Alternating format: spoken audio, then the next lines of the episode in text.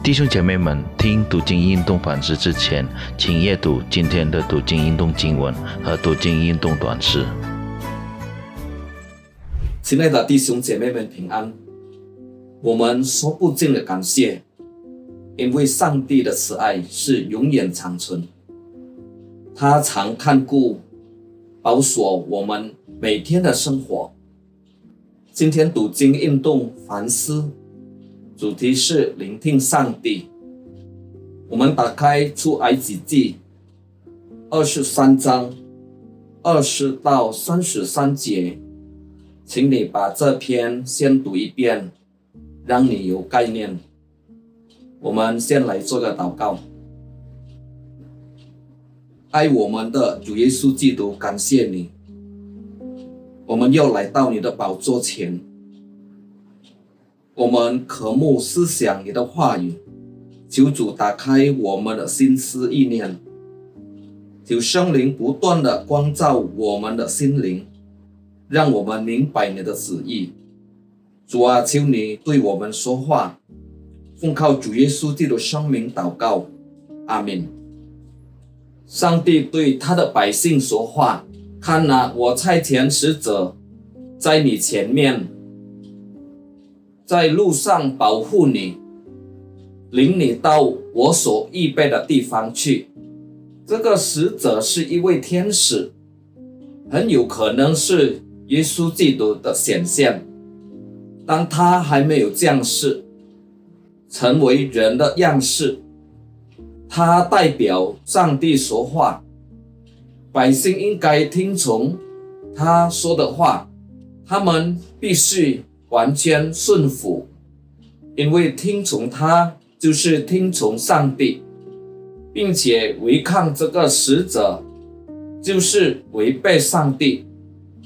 上帝喜欢跟他的百姓说话，他也乐意垂听百姓的祈求，一切的叹息。对百姓，他有美好的旨意和计划，在上帝的面前。百姓是他的喜乐，是他所拣选的，他所宠爱的。上帝不许可百姓跪拜假神，不可侍奉他，也不可效法外邦人的行为，却要把一切的神像进行拆毁，打碎所有的诸像，单去。侍奉创造天地万物的真神，上帝必赐福保护你，领你到上帝所预备的地方。所以，上帝要我们顺服聆听他的话语。为什么我们要顺服听从上帝呢？第一，我们应该听从上帝。因为他是创造天地万物全能的上帝，在我们每天的生活中，除了上帝，没有其他的神。上帝是我们的救主，是我们的盾牌，是我们的确据，是我们的帮助，是我们的避难所，是我们一切的一切。我们不得不听从他。上帝也要我们听从他的爱子，就是主耶稣基督。在路加福音第九章三十五节，有声音从云彩里出来说：“这是我的儿子，我所拣选的，要听他。”亲爱的弟兄姐妹们，为什么我们要顺服听从上帝呢？第二，我们应该听从上帝，因为上帝对我们每一个人预备了美好的旨意。上帝的旨意使我们每一个人能够认识他更深，使我们能够经历他的大能和爱。他要我们得到平安和喜乐。虽然我们面对各种各样的问题。常常在患难中，上帝要我们感谢赞美他。在罗马书第八章二十八节是这样说：“我们晓得万事都互相效力，叫爱上帝的人得益处，就是按他旨意被造的人。为什么我们要顺服听从上帝呢？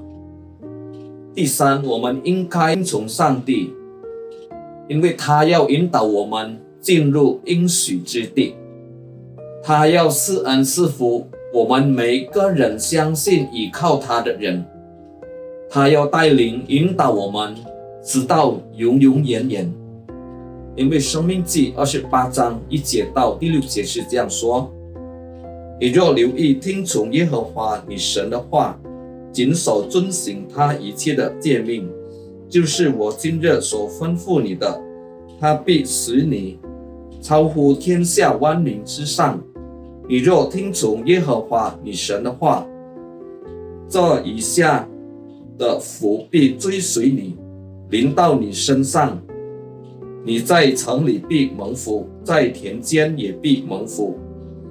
你身所生的，地所产的，牲畜所下的，以及牛犊羊羔，都必蒙福。你的矿子和你的团面盆都必蒙福。你出也蒙福，入也蒙福。亲爱的弟兄姐妹们，我们是蒙福的人，因为我们听从上帝。阿门。我们一同祷告，感谢我们的救主耶稣基督，把你宝贵的话语赐给我们，让我们的人生。有价值和方向，感谢你不断引导我们走在你的旨意之下，主啊，我们是这么脆弱，常常偏离你的真理，主啊，求你的圣灵常与我们同在，感谢你奉靠主耶稣基督生命祷告，阿门，愿上帝赐福你们。